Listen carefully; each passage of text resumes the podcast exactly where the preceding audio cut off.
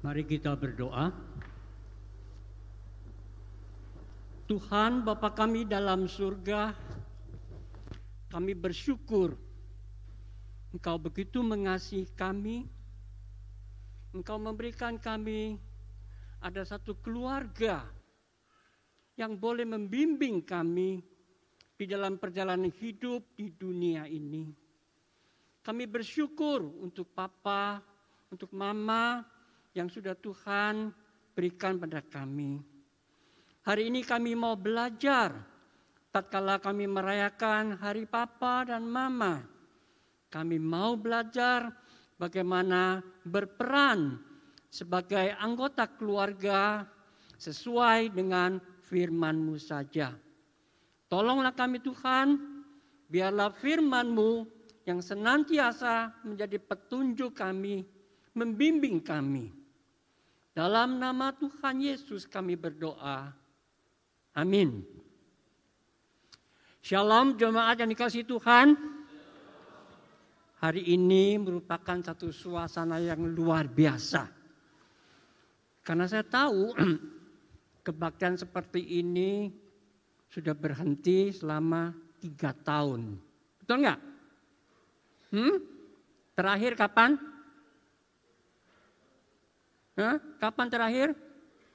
2000 huh? 19. Ya toh? Kemudian tahun 20 Covid. 21 masih Covid. Tahun ini 22 baru mulai dibuka lagi. Oleh karena itulah saudara sekalian, momen yang Tuhan izinkan, yang Tuhan berikan kepada kita itu harus kita hargai. Ya, karena kita tidak tahu sebentar lagi akan terjadi apa. Besok bagaimana? Kita sama sekali tidak bisa mengendalikannya. Oleh karena itu, kalau Tuhan sudah memberikan sekarang ini apa yang ada di depan mata kita, apa yang kita miliki, kita perlu menghargai dan menggunakan sebaik mungkin. Nah hari ini kita merayakan hari Papa Mama. Kita mengetahui kehidupan keluarga itu merupakan satu hal yang sangat penting. Merupakan satu bobot yang berat di mata Tuhan. Coba bayangkannya kalau kita mempelajari dari kitab kejadian sampai kitab wahyu. Kalau Tuhan mau memberkati seseorang, tidak hanya berkaitan dengan dia pribadi sendiri, tapi juga menyangkut seisi keluarganya, bahkan turun temurun. Sebaliknya, jikalau Tuhan mau menghukum seseorang, juga bukan berkaitan secara dia pribadi saja, tapi juga menyangkut keluarganya, bahkan turun temurun. Contoh yang paling jelas dalam firman Tuhan tatkala memberikan sepuluh hukum kepada orang Israel. Di sana dengan jelas dikasih tahu kalau kita mengasihi Tuhan, Tuhan akan juga memberkati turun temurun. Kalau kita mau melawan Tuhan, menyangkal Tuhan, Tuhan juga akan menjatuhkan hukuman sampai beberapa generasi. Waktu Tuhan menyelamatkan Nuh di dalam bahtera, Nuh sendiri tidak. Istri dan anak dan menantunya. Ya kan? Ya, banyak contoh-contoh itu. Ya. Nah, oleh karena itulah hari ini kita bergabung bersama-sama seluruh keluarga di sini mulai anak sekolah minggu sampai dewasa. Dan juga berkaitan dengan waktu yang singkat, saya tidak mungkin menjelaskan secara utuh, sempurna, keseluruhan apa yang diajarkan pada kita tentang kehidupan keluarga. Namun saya akan mengajukan beberapa prinsip-prinsip supaya bisa kita ingat dan kita tahu nah, sebagai anggota keluarga, bagaimana kita berperan, bagaimana kita memenuhi kewajiban dan tanggung jawab kita dalam keluarga. Satu kehidupan keluarga yang berhasil ibarat satu pertandingan kelompok. Saudara pernah melihat pertandingan sepak bola? Pernah enggak? Pernah melihat pertandingan basket, volley, ya, secara berkelompok, ya. Nah, masing-masing peserta di dalam kelompok itu, baik itu volley enam orang, basket lima orang, sepak bola sebelas orang, sedikit maupun banyak. Mereka ada posisinya, ya kan? ya mereka ditempatkan di posisi masing-masing itu ada yang menjaga gawang ya ada yang menjadi strikernya ya ada yang menjadi backhandnya macam-macam. Nah mereka itu semua harus berlatih ya. Ada pelatihnya membimbing mereka ya, harus tahu bagaimana bermain ya, sehingga bola-bola itu bisa ditujukan ke tempatnya lawannya dan mendapatkan poin. Nah demikian juga Tuhan membentuk keluarga di dalam ciptaannya kita sebagai manusia juga sama. Ya, Tuhan mempunyai tujuan, Tuhan mempunyai maksud yang tertentu bagi setiap anggota keluarga. Nah, sebagai dasar pemikiran kita, saya mengajak saudara membaca kitab Efesus pasal 6 ayat 1 sampai 4. Kitab Efesus pasal yang ke-6 ayat pertama sampai 4. Mestinya banyak sekali ayat-ayat yang mengarahkan kita ya. Saya hanya pilih bagian ini yang sederhana, yang singkat, yang mudah dimengerti. Saya akan bacakan untuk saudara-saudara sekalian. Hai anak-anak, taatilah orang tuamu di atas di dalam Tuhan karena haruslah demikian. Hormatilah ayahmu dan ibumu. Ini adalah suatu perintah yang penting seperti yang nyata dari janji ini supaya kamu berbahagia dan panjang umurmu di bumi. Dan kamu, bapak-bapak, janganlah bangkitkan amarah di dalam hati anak-anakmu, tetapi didiklah mereka di dalam ajaran dan nasihat Tuhan. Pertama, saya mengajak saudara-saudara memikirkan satu order ya yang Tuhan tetapkan bagi kehidupan keluarga. Waktu Allah menciptakan manusia, manusia pertama siapa yang diciptakan? Siapa? Adam. Kemudian setelah itu yang kedua dari mana Hawa diciptakan? Hmm? Dari tulang rusuk Adam. Setelah itu yang ketiga siapa? Hah? Kain. Selanjutnya Habel. Dari mana mereka datang? Hah? Hah? Dari perkawinan Adam dan Hawa. Ya, jadi kita lihat ya hukum yang sudah ditetapkan oleh Tuhan. Adam, Hawa, kemudian anak-anak. Waktu Tuhan menetapkan order ini, ya, Tuhan bukan mengatakan kamu yang lebih tinggi, kamu lebih bawah, tidak. Tidak ada hubungan dengan atas atau bawah. Tapi secara fungsional. Ya. Allah menciptakan Adam, kemudian memberikan dia tugas ya untuk mengelola Taman Firdaus. Waktu itu Allah melihat Adam sendirian, oh enggak baik, dia perlu pembantu, penolong. maka diberikannya Hawa. Ya, jadi Hawa diberikan sebagai penolong Adam. Kalau disebut sebagai penolong, berarti ada yang lemah. Betul enggak? Hmm? Ada yang kurang. Betul tak? Ya. Jadi Adam walaupun diciptakan oleh Allah, diberikan tugas, tapi dia butuh seorang penolong. Menunjukkan keterbatasan Adam. Jadi dia perlu Hawa untuk menolong dia menjalankan tugasnya. Nah di sini kita lihat dengan jelas. Ya, bukan atas dan bawah nomor satu, nomor dua, nomor tiga, tidak. Tapi secara fungsional. Ya, kemudian ada anak-anak. Ya, Allah memang memberikan perintah berkembang biaklah dan memenuhi bumi ini.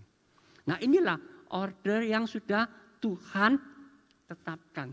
Jangan sekali-kali melanggar ini. Ya, begitu kita melanggar apa yang sudah Tuhan tetapkan, maka akan terjadi kekacauan dalam kehidupan keluarga. Ini perlu kita ingat. Nah, sekarang kita uraikan sedikit demi sedikit. Sebagai suami, sebagai bapak. Firman Tuhan mengajarkan bahwa suami atau bapak itu sebagai kepala keluarga. Saudara pernah naik kereta api enggak? Hah? Siapa yang enggak pernah naik kereta api? Mungkin ada juga ya. Ke mana-mana naiknya mobil atau naik pesawat atau naik kapal, nggak pernah naik kereta api. Tapi kalau kita yang pernah naik kereta api, kita tahu kereta api perlu apa? Ada lokomotifnya. Ya, belakangnya itu banyak gerbang, entah itu sedikit, entah banyak, pasti ada lokomotif.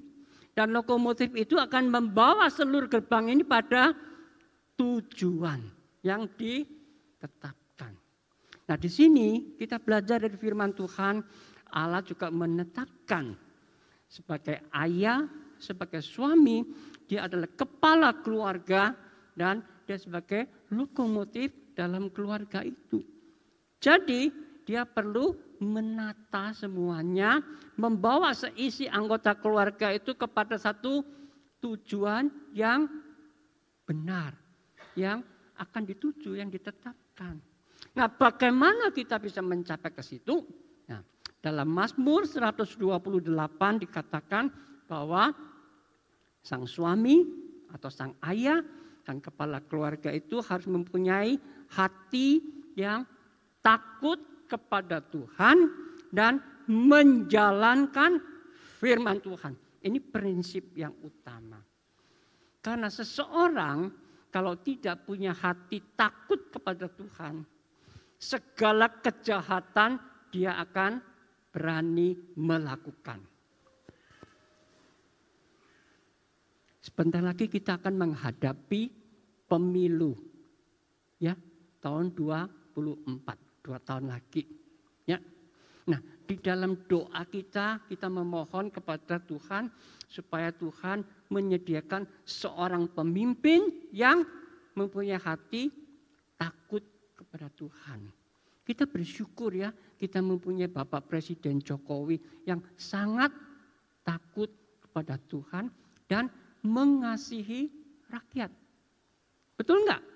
Ya, kita harus mengakui ini.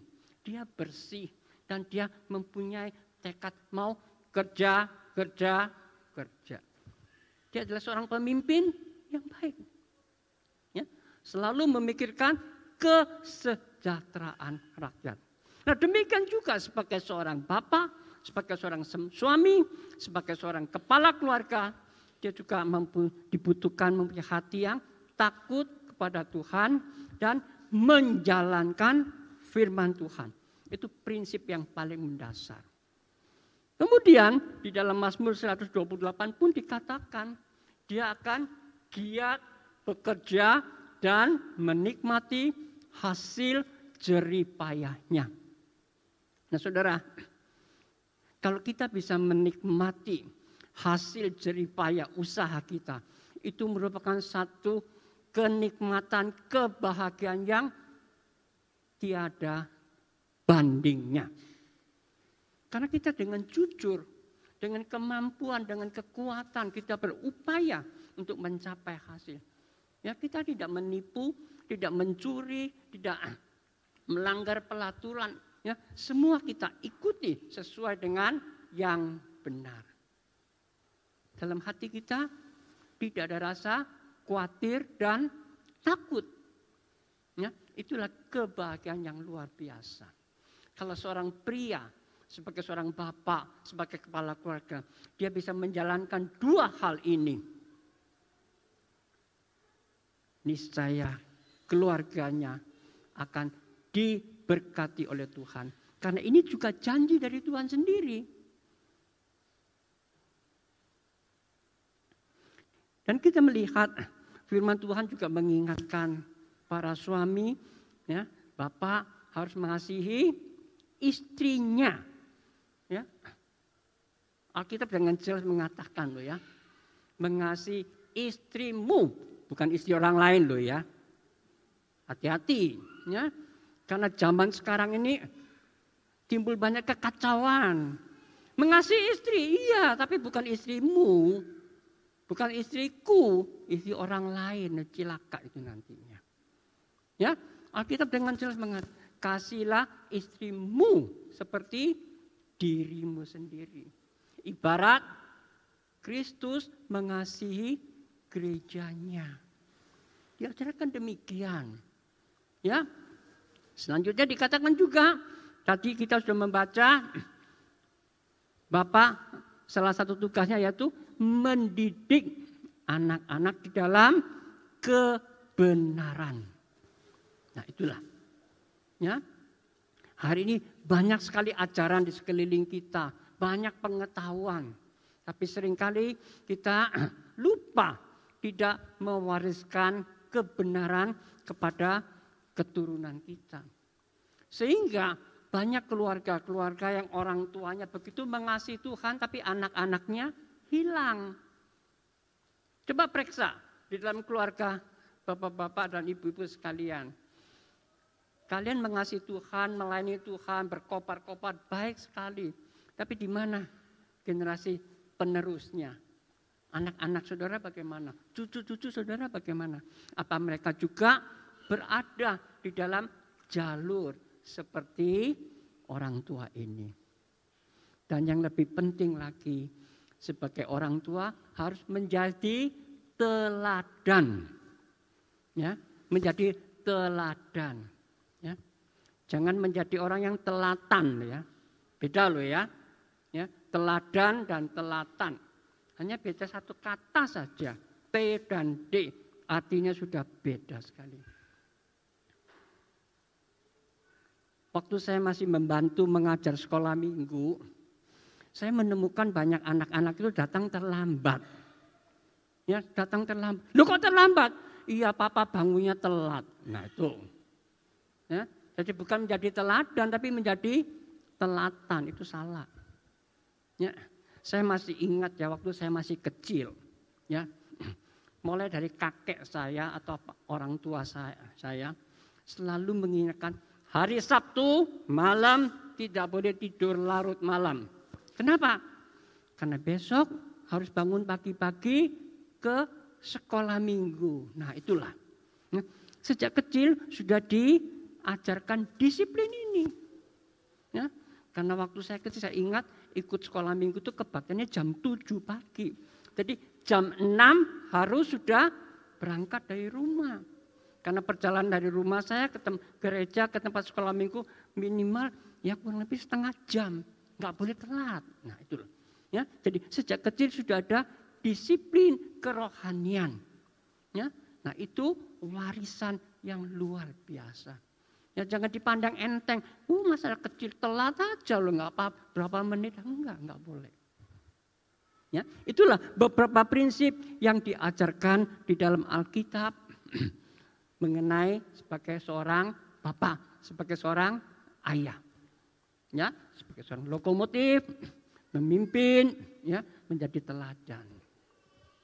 Yang kedua, kita belajar tentang ibu, tentang istri. Kita adalah orang kebanyakan orang Konghu di sini ya. Betul nggak? Ya, saya orang Hokkien. Ya, di dalam bahasa Hokkien itu ada istilah kepada suami itu disebut sebagai tapolang. Kalau perempuan disebut sebagai cawolang. Apa artinya? Tapolang itu adalah orang yang bekerja di luar. Tapi cawolang itu adalah orang yang menjaga rumah. Nah, di sini jelas ya ada satu pandangan ya tugas suami kebanyakan di luar tapi tugas istri kebanyakan di dalam. Sama dengan Mazmur 128 tadi dikatakan. Kalau suami bekerja mencari nafkah di luar, nah istri ngapain? Nah, istri di rumah.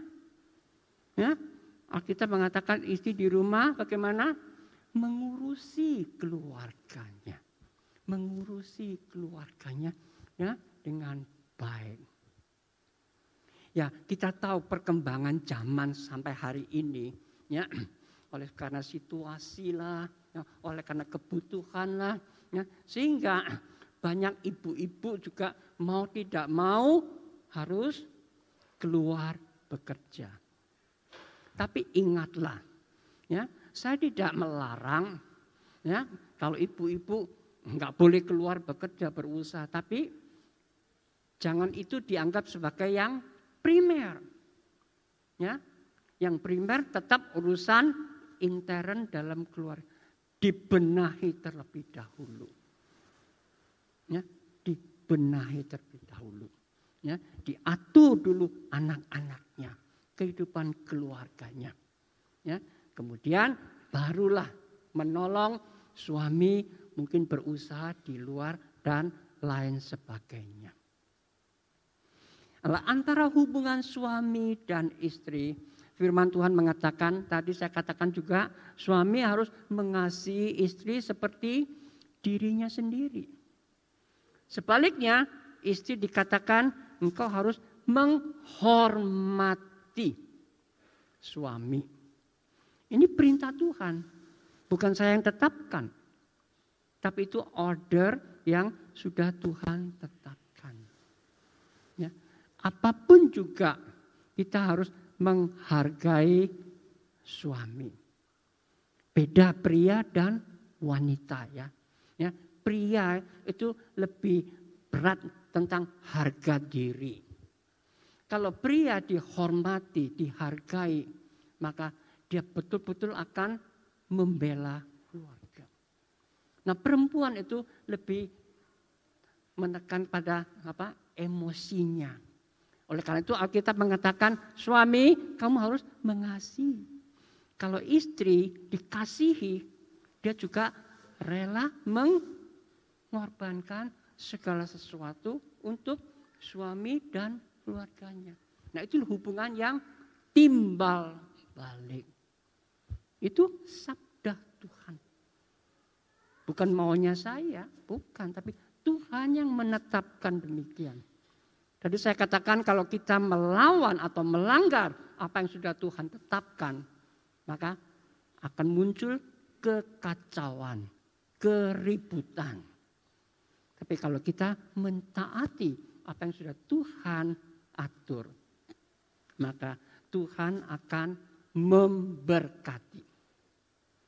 Oke, yang ketiga, Mari kita lihat sebagai anak-anak. Mazmur 127 mengatakan anak-anak itu merupakan warisan dari Tuhan.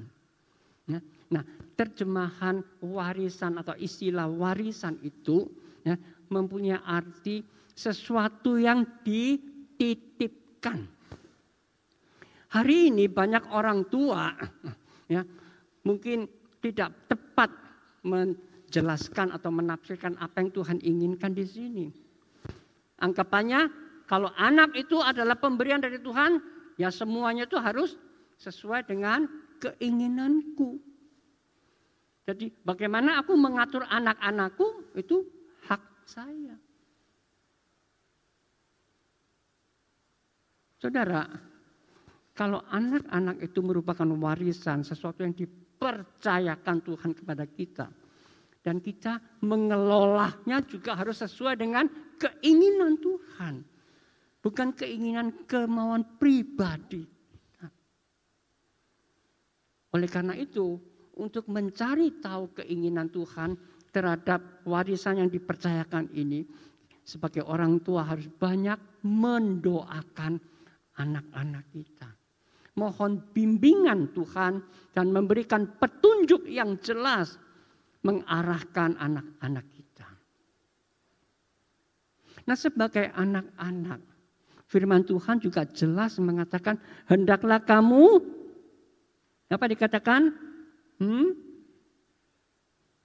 Taatilah orang tuamu. Hormatilah orang tuamu. Itu juga merupakan hukum di dalam sepuluh hukum yang Tuhan berikan pada orang Israel. Dan ini merupakan hukum yang mengandung janji. Kalau kamu melakukan ini, maka kamu akan menikmati umur panjang. Saya sendiri mengalami ini ya. Saya melihat bagaimana papa dan mama saya melayani kakek dan nenek saya. Kakek dan nenek saya umurnya tidak panjang. Mereka berdua waktu dipanggil Tuhan usianya sekitar 70-an. Tapi selama itu saya melihat bagaimana papa dan mama saya melayani kakek dan nenek saya. Begitu bakti ya, kepada mereka berdua. Dan akhirnya sungguh Tuhan memberikan usia panjang kepada papa dan mama saya. Papa saya dipanggil Tuhan di usia 96. Panjang enggak? Kurang panjang? Mau diperpanjang? Enggak bisa. Ya. Dan mama saya dipanggil Tuhan pada usia 86. Panjang enggak? Cukup panjang. Ya. Nah oleh karena itu, karena saya ada teladan dari papa mama saya melayani kakek dan nenek saya. Maka saya dan saudara-saudara saya juga belajar melayani papa dan mama saya. Dan nantinya Tuhan berikan saya umur panjang enggak? Hah? Panjang enggak? Siapa yang menentukan? Kamu? Enggak. Tapi yakin. Yakin. Ya, yakin. Kalau janji Tuhan tidak pernah kosong. Ya, Janji Tuhan tidak pernah kosong. Ya. Hari ini saya banyak melihat anak-anak itu ya melawan orang tua. Tidak hormat kepada orang tua. Bahkan kadang-kadang mengeluarkan kata-kata yang tidak sesuai. Ya, kalau ditegur nggak terima, kalau diajar, diarahkan nggak mau terima bahkan sering kali melawan. Ya. Saya pernah mendengar ya, ada anak-anak itu bagaimana melawan orang tuanya. Hmm. Siapa suruh kamu melahirkan aku? Bukan mauku toh? Sampai berani mengatakan demikian. Ya memang kita tahu semua kita kelahiran kita itu tidak bisa dipilih. Tidak bisa diminta. Ya kan? Kita hanya menerima satu fakta aku sudah dilahirkan sebagai seorang laki-laki, sebagai seorang perempuan, ya, dilahirkan dalam keluarga yang kaya, anak pejabat, atau di dalam keluarga yang sederhana, yang biasa. Kita hanya menerima satu satu kenyataan, satu fakta. Jadi jangan menyesali ya keberadaan kita. Begitu kita sudah dilahirkan, di dalam satu keluarga. Apa pun situasi keadaannya, kita patut mensyukuri dan kita menjalankan dengan penuh tanggung jawab. Nah di situlah firman Tuhan mengingatkan pada kita sebagai anak-anak kita harus taat dan hormat kepada orang tua. Dan tadi dikatakan bahwa orang tua harus mendidik anak-anak di dalam kebenaran. Jadi ada satu sinkronisasi yang baik. Ya, karena papa sudah menjalankan firman Tuhan dan disalurkan kepada anak-anak. Anak mengerti dan anak kemudian menghormati dan taat kepada orang tua. Apa yang terjadi? Apa yang terjadi? Satu keharmonisan di dalam kehidupan keluarga. Jadi sama sekali tidak ada kaitan dengan materi, dengan kelimpahan materi. Ya, jadi bukan berarti kalau kamu kaya, kamu bahagia. Kalau miskin, tidak bahagia. Tidak ada hubungan langsung dalam hal ini. Ya, hubungan langsung semua di dalam seluruh anggota keluarga bersama-sama menjalankan firman Tuhan. Nah itulah. Saudara sekalian, di saat anak-anak taat atau menghormati orang tua, ya, di dalam hubungan itu mungkin juga bisa terjadi keles, ya, karena pandangan orang tua dengan anak-anak sekarang beda sekali, ya, apa yang saya dulu dapatkan, yang saya pelajari dengan anak saya sekarang, oh jauh sekali. Ya, kita melihat perkembangan teknologi, eh, administrasi, informasi dan macam-macam begitu cepat. Ya, orang-orang yang tua ini bagaimana kadang-kadang nggak bisa mengikuti dengan cepat. Jadi kadang-kadang bisa ada pemikiran-pemikiran yang dianggap kuno. Betul nggak? Nah, nah anak muda sekarang bagaimana? Gerakannya cepat, tergesa-gesa, kadang-kadang kurang sabar. Nah itu loh. Ya. Kadang-kadang saya menanya, bertanya kepada anak-anak saya, ya mengenai ini, mengenai itu, apa itu. Oh papa ini, diomongi piro kali ndak, ndak mudeng-mudeng. Nah, bisa. Ya, namanya orang tua ya perlu selalu diingatkan. Sekali dikasih tahu dua kali kata kadang-kadang nggak bisa nempel gitu loh. Ya. Nah kita sebagai orang tua kadang-kadang coba merendahkan diri, tanya kepada anak-anak, anak-anak tuh kadang-kadang kurang sabar malah diomeli. Ya enggak apa-apa lah, sudah kita ngalah lah, kita ngalah. Ya, nah, nah di situlah kita belajar, ya, kita belajar. Tadi di awal khotbah saya saya katakan bahwa kehidupan keluarga itu ibarat satu pertandingan olahraga kelompok, ya toh, ya seperti apa itu sepak bola atau bola basket atau bola voli dan lain sebagainya yang banyak orang. Ya, masing-masing diatur di dalam posisi yang berbeda-beda. Tujuannya apa? Hah? Tujuannya apa? Kan mencapai satu kemenangan. Ya toh? Ya, untuk memasukkan bola itu di gawangnya lawan. Ya, supaya mendapat poin. Nah, itu loh. Ya. Jadi kita perlu belajar. Ya, kita perlu bagaimana? Ya, dilatih. Ya, melatih diri sama-sama. Ya. Ya kita bersyukur kalau kita ada arahan dari firman Tuhan. Sungguh ya kita bersyukur kalau ada firman Tuhan yang, yang begitu banyak memberikan contoh-contoh teladan, nasihat dan macam-macam ya, supaya kita bisa mengikutinya. Nah, kalau kita mengikuti, Nah, sesuai dengan apa yang Tuhan katakan. Ya, kita akan diberkati.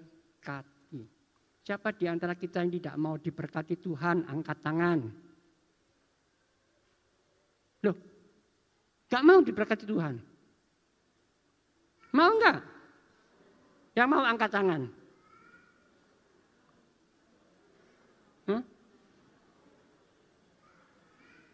Yang nggak mau angkat tangan.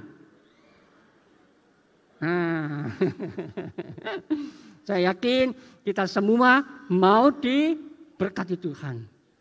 Ya, berkat Tuhan itu enak enggak? Enak enggak? Belum tentu. Tapi baik enggak? Nah, baik pasti baik. Ya, tadi kita nyanyikan lagu apa? Yesus baik toh? Amat baik. Ya, Yesus tidak berubah selamanya. Ya, nah itu ya berkat Tuhan pasti baik untuk kita. Tapi belum tentu enak. Enak ndak enak itu relatif. Ya, kadang-kadang Tuhan juga mengizinkan kita mengalami penderitaan, kesulitan, sakit, penyakit dan macam-macam. Tapi bukan, bukan berarti Tuhan tidak baik. Tuhan tetap baik. Saya punya seorang teman ya, tadinya tinggal di ujung pandang di Makassar. Dia kena sakit kanker di hidung ya.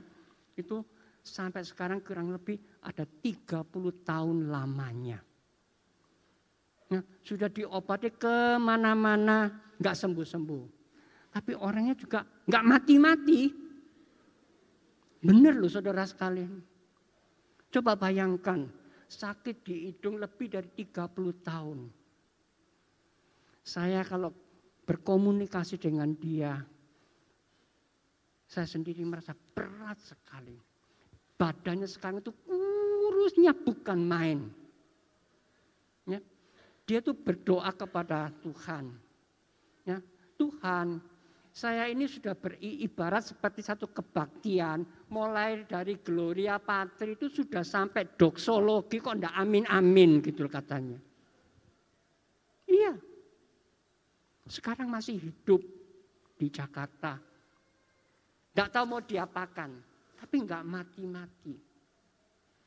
Tapi di dalam pembicaraan kepada saya, setiap kali saya berkomunikasi dengan dia, tidak pernah ada satu ucapan yang mengeluh Tuhan, kenapa kok begini? Tuhan, kok begini? Engkau tidak mengerti. Enggak pernah. Selalu Tuhan, aku bersyukur rencanamu jadilah atas diriku. Oh luar biasa. Ya, luar biasa. Ya, melalui kesaksiannya juga menguatkan istrinya, juga anak-anaknya. Mereka bukan keluarga yang sangat kaya, tapi Tuhan tidak membiarkan mereka. Segala sesuatu yang mereka butuhkan, Tuhan berikan cukup adanya. Nah itulah orang-orang yang takut kepada Tuhan, yang taat kepada Tuhan, yang menjalankan firman Tuhan. Kiranya renungan pada pagi hari ini sekali lagi mengingatkan kita sebagai satu keluarga, ya, sebagai suami, sebagai istri, sebagai anak-anak kamu keluarga besar, kamu keluarga kecil, keluarga kaya, keluarga miskin, ya, keluarga yang berpendidikan atau keluarga yang biasa, apa pun situasi dan keadaannya, berpeganglah pada firman Tuhan. Mulai dari suami, ayah sebagai kepala keluarga, kemudian istri sebagai pendamping, penolong, bahkan sampai anak-anak sebagai warisan yang Tuhan percayakan. Kita bersama-sama menjalankan peran dan kewajiban kita secara penuh tanggung jawab. Niscaya Tuhan akan memberkati kita semua. Amin.